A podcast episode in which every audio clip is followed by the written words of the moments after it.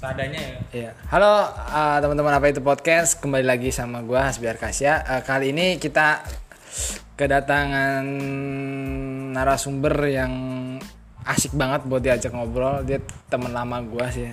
Oke, bisa diperkenalkan dulu bang namanya? Eh, saya gua Bebas. oh ya udah Eh, perkenalkan nama gua Aldi Rahmansyah gua mahasiswa di, di su- suatu kampus namanya AKMR TV Jakarta Eh, jurusannya ilmu komunikasi Oke, ada satu lagi uh, temannya dia juga. Oke, boleh diperkenalkan pak? Oke, nama gue Rizky Ali Mahendra. Gue juga mahasiswa di AK- AKMR TV di Jakarta. Jakarta. Oke, eh, mungkin ada pertanyaan sih sesuai konten kita apa itu? Eh, apa itu Akademi TV? AKMR TV itu eh, singkatannya Akademi Komunikasi Media Ra- Radio dan Televisi. Dan dia ini itu eh, bisa dibilang suatu program kerjasamanya eh, dengan Universitas Gunadarma. Da- da- untuk eh, program studi ilmu komunikasi. Dan di AKMR TV ini tuh kita juga diajarkan bukan hanya ilmu komunikasi dan juga eh, tapi kita pun juga diajarkan broadcasting, jurnalistik dan juga eh, perfilman. Wes mantap. Nah, menurut Mas apa? Sesuatu untuk mencari pengalaman juga sama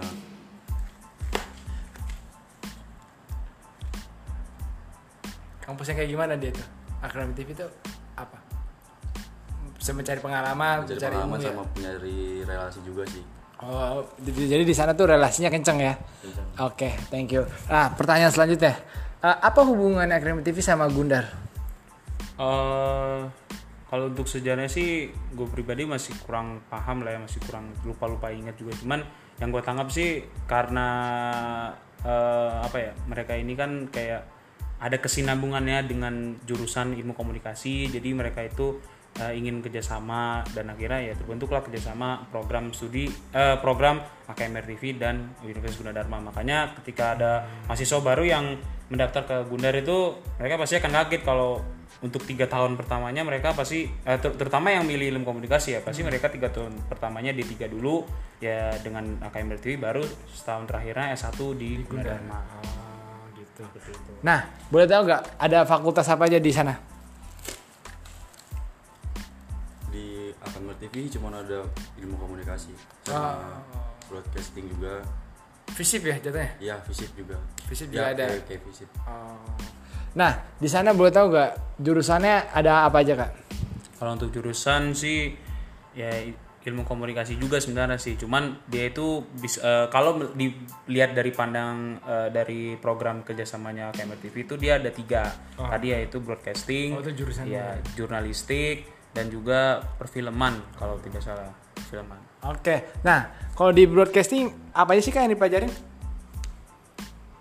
Di broadcasting itu tentang gimana cara berbicara di depan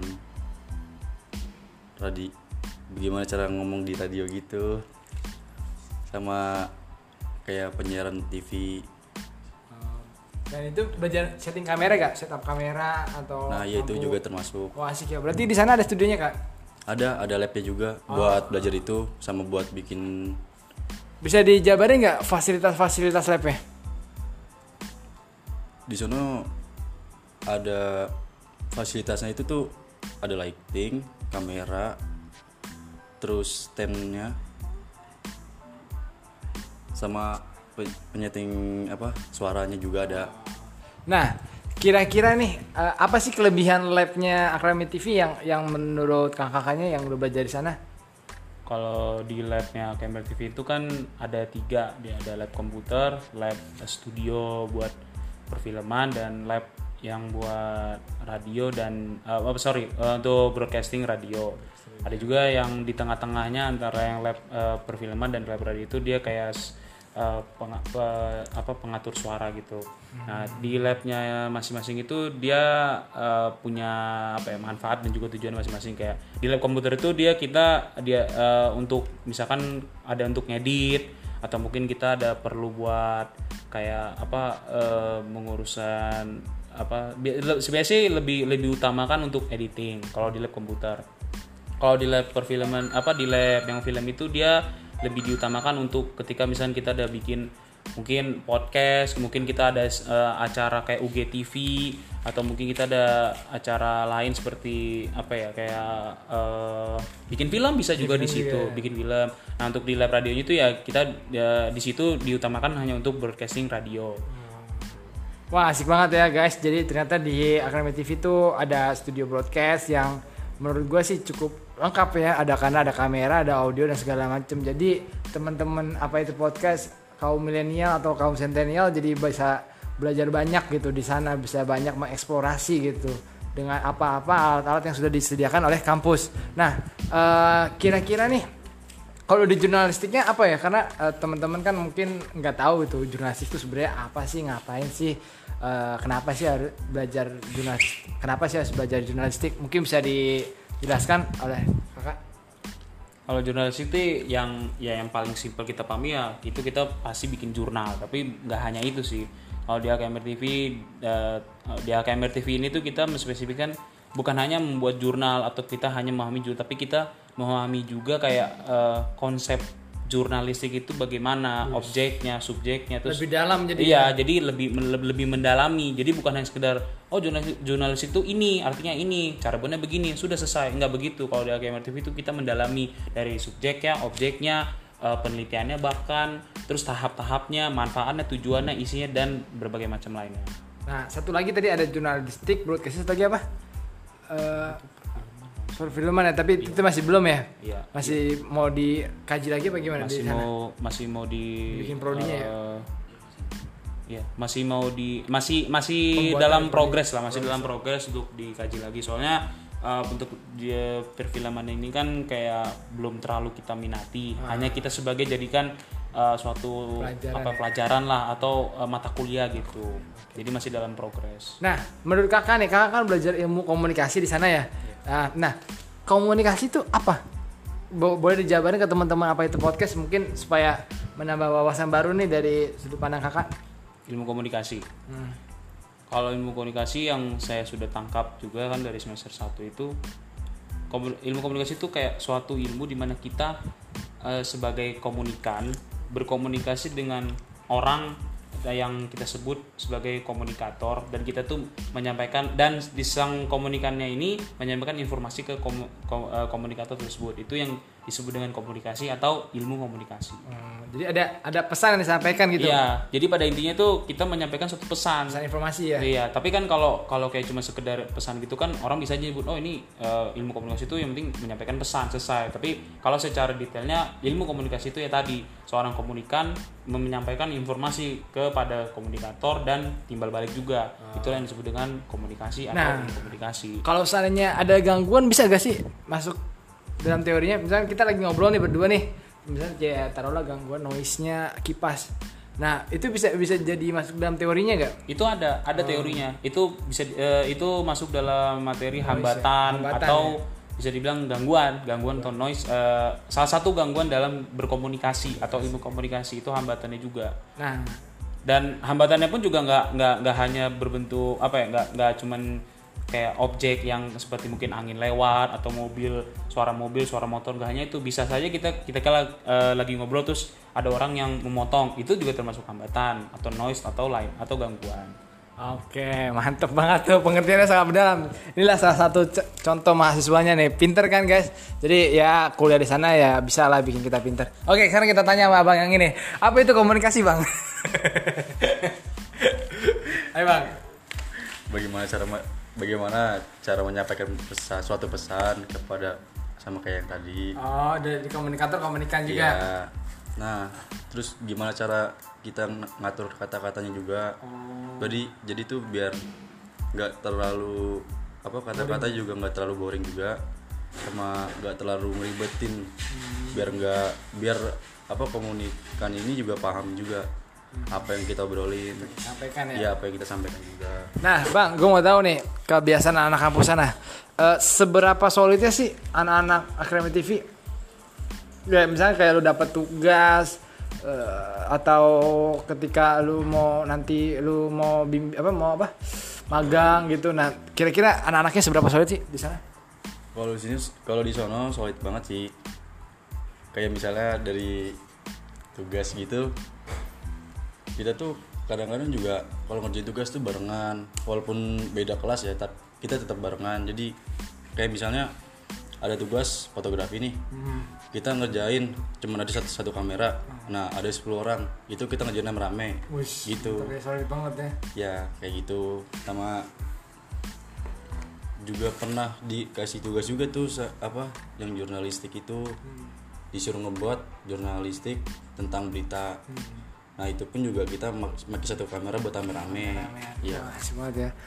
Saking solid-solid ya. Tapi makan nggak nggak bersepuluh kan? Sepiring bersepuluh kan, kan sekarang kan yang romantisme kan sepiring berdua ya. Kalau ini mungkin lebih romantis lagi gitu. Sepiring bersepuluh gitu. Gitu gak di sana? Iya apa enggak? iya enggak juga sih Ah, mungkin kalau gorengan se seplastik ya, bersepuluh ya paling gorengan PT paling patungan-patungan aja sih Oh, beli nasi beli dua warteg ntar makan rame-rame beli dua bungkus buka rame-rame Wah gokil ya anak-anak sana ya. Ah, Lu ikut organisasi gak di sana? ikut Apa? VOC namanya Apa sih VOC? Visual of Cinematography Nah, mungkin anak-anak anak-anak juga mau tahu kali ya teman-teman kita. Ah, di situ tuh apa sih ngapain di sana? Di VOC itu? di VSO itu kita tuh kayak ngebuat project film kita juga belajar tentang editing sama bagaimana cara pakai kamera juga sama mempelajari angle-angle kamera dan ngatur-ngatur suara juga di situ Oh, asik ya. Tapi di situ bukan bukan di kelas ya, tapi sharing-sharing di Ya, sharing-sharing. di organisasinya ya. Ah, yang lu tahu ah, di sana ada organisasi apa aja? Di selain VOC di kampus lu? selain VOC ada fotografi terus ada BEM BEM ya sama radio kampus. Ya radio kampus sama apa lagi tuh? Sama apa lagi, Bang? sama apa lagi? Boleh dibantu? UKM di Akademi TV itu ada VOC eh, itu ya tentang perfilman. Terus ada futsal ya tau lah futsal. seperti apa. Terus ada namanya GAP GAP itu fotografi. Ada juga eh, Glow Radio. Glow Radio itu nama radionya dan sekaligus UKM-nya sama ada yang terbaru itu eh, Info Akom. Apa Info- Info Akom itu UKM baru sih sebenarnya tapi saya sebenarnya kurang kurang kurang mendalami itu nah cuman yang saya tangkap waktu itu Infocom itu dia dia itu kayak UKM yang ngebahas kayak seputar info-info di kampus AKM TV baik itu dari sosial media ataupun offline langsung lewat mading atau mungkin bahkan dari majalah, koran dan dan berbagai macam multimedia lainnya. Kampus tapi ya, Ya, tapi dari dia kampus ya, kampus. Pada intinya eh, info-info penting atau bahkan mungkin sampingan gitu tentang kampus AKM TV ini. Bang minum dulu bang, biar nggak seret bang. Oke, eh, asik banget guys. Jadi banyak banget organisasinya, banyak banget kegiatan-kegiatannya. Jadi nggak nggak melulu tentang belajar, nggak melulu tentang teori ya, tapi praktek-prakteknya juga balance ya. Nah, eh, kita udah ngomongin kelebihannya. Kita sebagai mahasiswa harus subjektif dan objektif melihat segala suatu permasalahan. Nah, apa sih kekurangan sistem kampus di sana? Yang bikin lu nggak puas sebagai mahasiswa? Ya paling kalau ini sih lagi minjem alat Ama ya? ya sama juga jadi ngajuin proposalnya juga lumayan sih Iya. Gitu Ribet sih. dikit ya, ribet birokrasinya ya. Mm-mm. Selain itu, alatnya bagus-bagus gak sih? oh alatnya bagus-bagus sih Masih layak ya. masih layak dipakai juga soalnya banyak yang pakai juga sih Hmm, Tapi masih masih bagus ya. ya Tapi kekurangannya berarti itu doang apa namanya? Segala bikin proposal gitu ya, terlalu lama ya. terlalu lama Sedangkan Dan- tugas udah deadline ya. nah Dan apa? kok sama belum tahu apa belum tahu terlalu dalam juga sih apa juga apa kelemahannya aja gitu Oh, oke. Oke, kita tanya Abang satu lagi. Bang, apa sih kekurangannya di Akademi TV yang yang lu rasa mungkin sistem mata kuliahnya atau mungkin tadi Abang satu lagi bilang alatnya kalau dari lu apa kekurangannya? Kalau perkuliahan online sih ya jelas banyak lah gitu kan. Kalau misalnya Apa, kalau kita melihat dari online audio gitu ya. kah? Ya kalau dari kalau di- kalau kita melihat dari pandangan mahasiswanya kan banyak Iya. Apa bisa audio? bisa aja dari audio apa perangkatnya berpengaruh, bisa juga dari in- internetan. Kan kita nggak tahu juga dia pakai wifi atau pakai data. Oh, iya. Gitu kan. Kalaupun dia pakai wifi belum tentu juga itu kencang di daerah dia kan kita nggak ada yang tahu. Iya, Terlebih lagi kan eh, apa ya kalau bisa dibilang kasarnya sih bosen gitu bosen tuh dalam arti kayak ya kita begitu-begitu aja. Bangun pagi ada kuliah online ya kuliah online buka laptop. Habis itu udah selesai. Kita cuma dengerin dosen. Ya kalaupun dan kalaupun kalaupun Kayak semua teman-teman gue juga gitu curhatnya sama. Lanjut, lanjut. Iya dan dan kalaupun kita kayak ituin dosen kan juga pasti ada saatnya bosen gitu kan. Dosen pun juga pasti merasa bahkan dosen di Akademi TV aja ada yang eh, kayak apa ya, jujur gitu kayak kurang nyaman kayak nggak efektif kayak tidak ada rasa belajarnya gitu. Kalau kita melihat dari sudut online tapi kalau dari sudut offline sih kalau menurut saya sih eh, saya sih bangga dan tidak tidak menilai keburukan su- sesuatu. Mungkin adalah kejelekan ataupun kekurangan dari ya, kampus tapi saya sih menilai segala hal yang saya jalankan ketika kuliah itu semua bagus dan aman. Apa- Puas. dan puas. Bagus Oke. dan puas Apa solusi lu eh, buat Akademi TV? Mungkin ya lu udah bisa mengkritik, mungkin bisa ngasih solusinya juga eh, dari sistem itu dari online. kalau untuk sistem online sih ya yang pasti apa ya kayak sebisa mungkin sih bikin setiap pertemuan kelas gitu seunik mungkin dan apa ya kayak adalah saatnya mungkin kita boleh lah gitu ke kampus untuk bertemu langsung dibagi shift gitu. Kalau memang eh, kalau memang pemerintah pendidikan mengizinkan. Kalau tidak ya nggak masalah cuma setidaknya bikin setiap kali pertemuan atau setiap kali itu tuh unik lah. Yang menarik gitu ya. nggak usah kayak apa ya maksudnya kayak materi materi itu ya di- dikirim biasa nggak masalah. Kalau masalah bertanya kan kita bisa saja melalui eh, pe- apa eh, japri gitu kan bisa. Cuman setidaknya itu setiap pertemuan kalau memang ingin bahas suatu pembahasan materi ya bikin seunik mungkin itu aja sih Oh berarti ini ini buat ke Kementerian Pendidikan sih sebenarnya. Ah, Jadi eh, mungkin Kementerian Pendidikan harus lebih kreatif lagi ya eh, ngebikin silabusnya ya. Mungkin kalau dengerin nih po- apa itu podcast, gue bangga banget.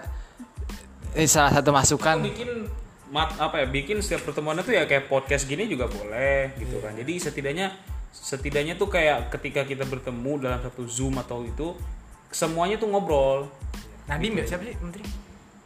Nadim Nadim kan? Bukan menterinya ya? bukan Pak Anies lagi. Pas apa sih? Menteri? Pendidikan? Nadim kan? Nadim Nadim udah, dong. udah bukan Pak Anies lagi Anies mah DK- DKI. Enggak dulu bukan dia sempat jadi menteri Eh iya dulu tuh dulu zaman Jokowi. Iya iya bener bener bener zaman Jokowi. Bener. Ben- sebentar berapa bulan doang? makanya gue gak tau Iya. lama Eh, bukan berapa bulan doang? kali satu semester Oh iya, iya, udah 6 bulan. Ah, ah satu semester Iya, beliau tuh terlalu pintar gitu ya. Ya lanjut, lanjut, lanjut. Gue kan salah satu pendukungnya soalnya. Sorry, mohon maaf. Mohon maaf. Gue lah terakhir di Bekasi untuk mendukung beliau. lanjut, lanjut, lanjut. Nah, terus apa lagi? Ini buat Pak Nadim mungkin bisa ya eh, eh, ngasih silabus buat kampus-kampus, dosen-dosen dikumpulin gitu bikin ya kita kan masuk generasi re- revolusi industri 4.0 semua serba internet. Jadi kalau seandainya sistem pendidikan yang nggak dibuat yang menarik, nggak diupdate, masih kayak offline gitu sistemnya nggak dirapatin, ya bakalan kita bakalan kalah sama negara-negara lain dong, iya kan? Jadi semua udah harus berubah. Nah, terus apa lagi saran yang menurut lu? juga kalau kayak masalah kuota gitu tuh kalau kuota sih gua kalau gue dari gue pribadi sih nggak terlalu bermasalah ya gitu kan cuman kalau boleh kalau bisa untuk request sih eh, apa ya kayak setidaknya tuh jangan hanya untuk difokuskan eh, maksudnya prioritaskan itunya tuh hanya untuk pendidikan adalah setidaknya tambahan kecil gitu untuk bisa digunakan eh, aplikasi lain gitu loh. Soalnya apa? Eh, kota yang dari pemerintah itu kan dia hanya dia dia itu hanya memproteskan untuk aplikasi yang kita gunakan untuk pendidikan belajar. Seperti Zoom, Gmeet atau Skype mungkin kalau bisa dan eh, web apa ya dan mungkin ya dan mungkin buka aplikasi yang berhubungan dengan pendidikan kayak mungkin adalah aplikasi namanya Brainly Iya. atau Zenius atau dan lainnya. Iya. itu setidaknya itu adalah mungkin oke lah mungkin dia boleh ngasih 50 giga untuk yang pendidikan tapi paling tidak kasih lah sedikit sekitar ya 10 atau Buat 5 kampus ya. iya gitu. Jadi buat tambahan kecil untuk buka aplikasi lain gitu. Karena kan nggak semua di Indonesia ini kan is apa ya equal gitu. Nggak semuanya Adil, rata iya. gitu kan Bener-bener. Gitu. Menurut lu penting gak sih pemerintah selain itu nyiptain ah, ya kan Zoom kan ah, punya punya luar ya. Iya. Nah segala macam Google Meet juga. Nah kita kita sebenarnya buat anak-anak IT di Indonesia tuh pinter-pinter maksudnya bikin aplikasi doang mah gampang ya. Menurut lu pemerintah wajib gak membuat aplikasi suatu aplikasi yang bukan Zoom atau bukan produk-produk barat lainnya buat mahasiswa? kalau dibilang kalau dibilang perlu sih kayaknya nggak nggak perlu lah ya soalnya Zoom sama Jimin aja udah lebih dari cukup gitu Udah lebih dan cukup. dan maksudnya juga ini kan karena kita dadakan aja seperti ini Ya, tapi kan kita nggak bisa prediksi, bisa aja ini Ya. 10 tahun lagi masih begini kan. Ah. Ya, kita mempersiapkan. ya kalau maksudnya gini kayak untuk deket-deket ini sih eh, tidak tidak mesti untuk aplikasi malah eh, kalau menurut saya kalau menurut gue sendiri sih lebih baik kita tuh kayak buat sebuah apa ya kayak mungkin eh, apa ya s- silabus boleh atau mungkin kayak suatu aplikasi itu yang bisa mempermudah pelajar apa ya eh, Oh, pendidikan iya lagi ya. gitu jadi bukan hanya sekedar kita harus ketemuan lagi Jimit, ketemuan lagi Zoom, ketemuan lagi gini kan itu ngurus kota juga gitu kan. Kayak contoh di AKM TV itu kan udah dijalankan tuh namanya V-Class, V-Class. virtual class. Itu itu lumayan efektif. Apa itu Virkas? Virtual class itu tuh kayak eh, sebuah web gitu, website di mana kita kayak kita login dengan apa eh, dia tuh di V-Class itu dia untuk ka- kampus setiap kampus tuh berbeda-beda. Ada V-Class yang untuk UGM ada V-Class untuk yang IPB mungkin atau V-Class dan lain-lainnya. Eh, kita login dengan nama kita eh, dengan apa username dan password kita. Nah di dalam situ tuh jadi kita kayak ada eh, setiap dosen dari kampus itu dan setiap itu tuh dia kayak mengirimkan materi kuis mungkin juga apa eh, Q&A dan juga tambahan-tambahan info lain gitu. Eh, dia dibuat tuh eh, kayak apa ya sejenis ada tab ada tautan-tautannya gitu banyak. Ada kayak tautannya jadi kayak dosen A gitu mata mata kuliah ini untuk kelas eh, kelas 1 misalkan nanti di dalam situ dia per minggunya mengirimkan kayak materi misalnya minggu pertama materi ini eh, soal apa ada quiz begini terus ada Q&A-nya begini kalau apa ginian terus ada info terakhir begitu itu V-Class Virkas gitu ya. Ah. itu malah lebih efektif. Cuman karena V-Class ini juga baru dijalankan la- perdana di Jadi aneh-aneh banyak banyak bug, banyak error, banyak karena ala servernya kan mungkin dia. gitu. Nah itu dia. Jadi kita juga sebagai suatu negara ya, apalagi gue kembali lagi ke revolusi industri 4.0 ya kita sebenarnya belum siap menyambut 4.0 tapi mudah-mudahan ke depan juga semua harus serba online dan semua harus memadai ya sistemnya ya. Nah materi-materinya bahasa Indonesia bahasa Inggris. Bahasa Indonesia yang pasti. Udah bahasa Indonesia sekarang. Cuman ada beberapa kalau misalnya lagi offline gitu ya, ada beberapa dosen tuh yang ada aja ya, dia tuh pengen eh, pengennya tuh kita juga sambil mempelajari bahasa asing ya. Dia eh, tambah-tambahin dikit lah pakai bahasa Inggris membawakannya atau mungkin kita membalasnya pun juga bahasa Inggris meskipun itu bukan mata kuliah bahasa Inggris gitu. Jadi setidaknya tuh kita bukan hanya belajar bagaimana berkomunikasi tapi kita pun juga ingin bela- eh, bisa belajar berkomunikasi menggunakan bahasa asing juga. Nah eh, e-booknya bahasa Indonesia apa bahasa Inggris? Bahasa Indonesia, pasti bahasa Indonesia. Ibu, ibu udah pasti bahasa Indonesia semua ya? Oke.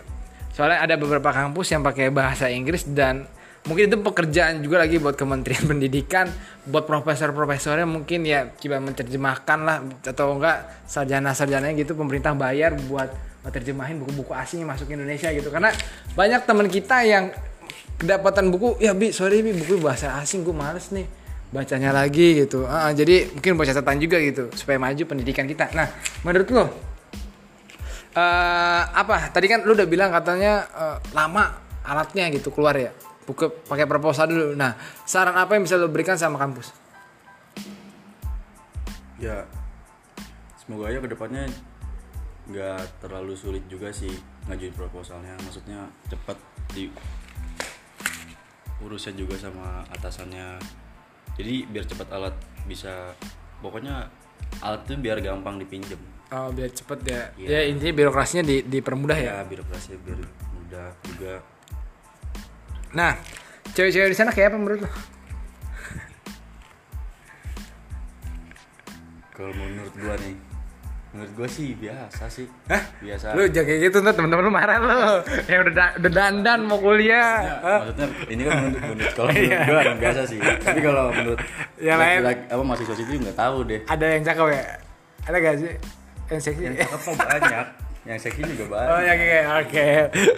Ada lah salah satunya aja mantannya. Ayo mau mantannya. Kalau lu udah yang gitu-gitu ya.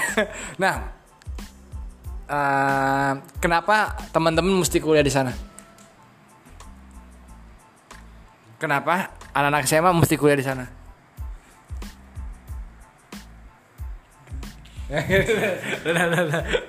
Kenapa? Kalau kalau bertanyakan seperti itu sih itu sebenarnya fleksibel dan juga relevan. Cuman gimana ya, namanya juga eh, kalau kalau cuma dita- ditanyakan kampusnya eh, kalau kalau cuman kalau cuma ditanyakan kampusnya sih eh, AKMRTV itu udah udah lebih dari cukup untuk apa ya kayak eh, bukan lebih dari cukup maksudnya dia itu eh, su- suatu program kuliah itu yang unik gitu. Dia dia bukan hanya mengajarkan ilmu ilmu komunikasi tapi dia pun juga mengajarkan ya tadi ada broadcasting perfilman dan juga eh, jurnalistik. Itu itu tambahan. Cuman kalau kita melihat dari jurusannya doang ilmu komunikasi itu banyak yang jauh lebih bagus. Tapi di situ juga asik. tapi gitu. di situ tapi memang di Gundar di Gundar ini terutama di AKB TV itu di, di- itu asik dia. Fleksibel asik seru gitu kan. Terus juga do- eh, dosen-dosennya seru-seru nggak nggak- terlalu ngebosenin. Eh, fasilitasnya sih juga oke lah mendukung gitu cukup. Dan apa ya paling paling murah, paling itu aja sih cukup. Murah, murah, murah. Kalau dibilang murah ya tergantung orang. Oh iya sih. tergantung. Tapi kalau menurut menurut saya pribadi sih Masih oke lah. Masih, masih, masih, masih masuk bisa. ya. Nah itu guys eh, dijabarin tadi di sana asik. Sistem perkuliahannya juga teman-teman kampusnya solid ya. Dan di sana juga alatnya lengkap. Eh, ada lah kalau mau belajar belajar mah bisa mengeksplor gitu di sana ya. Nah eh, mungkin gue butuh satu kalimat perenungan sih. Saat ini kan teman-teman yang nongkrong ya cuma nongkrong doang gitu dia dia nggak nggak berkarya. Nah mungkin ada saran dari lu gitu buat teman-teman pendengar. Yang gimana kalau nongkrong? Iya, jadi nongkrong nongkrong aja. Dia nggak nggak berkarya gitu. Sebagai sebagai milenial kita kan harusnya produktif gitu ya. Nah, saran-saran dari lu apa? eh kalau saran dari gue pribadi sih perbanyakin ini aja kayak eh, kalau kalau lagi menyendiri gitu ya kalau lagi berdiri tuh kan bisa saja eh, berka apa ya kayak kita memikirkan banyak hal gitu. Mungkin ilmu mungkin karya orang mungkin kita eh, baca buku mungkin kita nonton dari YouTube mungkin kita nonton dari TikTok bisa aja kita pelajarkan gitu bisa saja gitu. Dari mana pun juga kita. Namanya ilmu itu kan luas maksudnya namanya namanya ilmu itu kan luas bisa dari mana aja. Sosial media bahkan dark web dark web pun juga bisa gitu kan Iya banyak banyak. Pada intinya kan banyak kita bisa mempelajari ilmu itu dari mana aja. Baik itu ilmu yang benar ilmu yang salah pun juga bisa aja kita pelajarin. Tapi kan tergantung dari kitanya kita mau menerima itu atau tidak. Nah cuman kalau untuk ketika eh, untuk masa yang milenial gitu kan alangkah baik itu kita kayak sebelum berkarya kan pasti kita harus mempelajari dulu dong gitu. Kita harus punya pengalaman juga kita juga harus punya pemikiran yang lebih luas. Jadi percuma kalau kita berkarya ngasal tapi kalau tidak masuk eh, nalar gitu kalau kita masuk logika gitu kan kalau bahasa kalau bahasa adalah suhu saya tuh yang baru saya kenal tuh eh, harus setiap setiap setiap karya itu harus ada visi art- artistiknya apa itu panjang ya, panjang, ya. Panjang, panjang. Nah, itu. Panjang. Jadi jadi ya berkarya bisa di mana aja, bisa belajar di mana aja. Yang penting nyambung dulu karyanya Nyambung ke dulu. ke komuni ke kom- ilmu komunikasi. Ilmu komunikasi, gitu. Kalau kalau misalkan jurusannya ilmu komunikasi ya kita eh, harus mempelajari juga ilmunya. Jadi jangan hanya se- sekedar berkarya doang, tapi harus mempelajari juga ilmunya gitu. Minimal minimal tuh tahu dulu lah apa sih itu ilmu komunikasi. Iya. Gitu sebelum bisa berkarya. Mantap, mantap. Nah, kalau menurut lo bang, apa saran-saran lo buat anak-anak milenial atau sentenial yang lebih muda? ya kalau buat yang nongkrong doang nih ya Iya. Ya kalau misalnya buat nongkrong juga jangan sekedar cuma nongkrong duduk main hp terus cabut. Gak gitu juga sih. Gitu sih. iya. Tapi itu salah satu udah ya. iya. Karena apa ciptain tongkrongan lu dengan karya di tongkrongan lu itu juga. Supaya itu juga bisa buat nambah ya pengetahuan lu juga sih sama nambah wawasan buat lu juga sama teman-teman lu biar lu lebih produktif juga gak sekedar cuma nongkrong nganggur gitu doang Ada lagi? udah itu doang Nah, komen lu nih buat apa itu podcast? Apa? Komentarnya sih ke podcast itu kalau untuk di era sekarang tuh sangat bagus gitu ya. Karena ya berhubung juga lagi online kan gitu. Cuman eh, podcast itu tuh sangat berguna, sangat bermanfaat terus juga kita tuh bisa tahu banyak gitu kan. Nggak mesti tentang viral orang nggak mesti tentang aib orang nggak mesti tentang aib diri kita sendiri. Tapi kita juga bisa aja mempelajari banyak berbagai macam ilmu. Meskipun itu podcastnya lucu-lucuan kayak eh, podcast yang sebelah sono gitu cuman ngobrol-ngobrol apa ngobrol-ngobrol sambil minum dan lain-lain. Atau podcast yang yang di situ yang lebih serius gitu kan yang cuman berdua doang tapi ya eh, pada intinya sih podcast itu memang sangat berguna di era eh, milenial sekarang apalagi saat-saat lagi genting online begini karena ya tadi balik lagi ke masalah yang ilmu itu ilmu pun dari dari mana aja bisa dapat dari orang dari podcast begini pun juga bisa aja dapat ilmu Wawasan ya. iya dapat wawasan Oke. Mungkin ada satu terakhir sebelum kita tutup. Tambahan kalimat terakhir buat sebelum tutup. kalimat terakhir sih supaya lebih produktif sih Oh, lebih produktif aja intinya ya. ya lebih produktif sama terus berkarya aja Oke, mantap. Terus lo kalimat terakhir? main ke rumah gua di Pesona Jati Bening Residence Oke guys, oke IG lu dah, IG lu. Mungkin ada teman-teman yang kepo. Boleh. IG gua kursi plastik warna merah bukan ya itu ya apa namanya? Iya itu Napoli top Oh Napoli top ya pokoknya IG dia tuh. kalau ada yang nanya lu searching sendiri dah lo lo IG lu. IG gue sih Ali Mahendra underscore Oke. Aja. Tuh guys di follow ya abang-abang kita ini yang pinter-pinter ini. Makasih buat teman-teman yang udah dengerin apa itu podcast. Eh, teruslah berkarya, teruslah berimajinasi dan teruslah berekspresi. Thank you.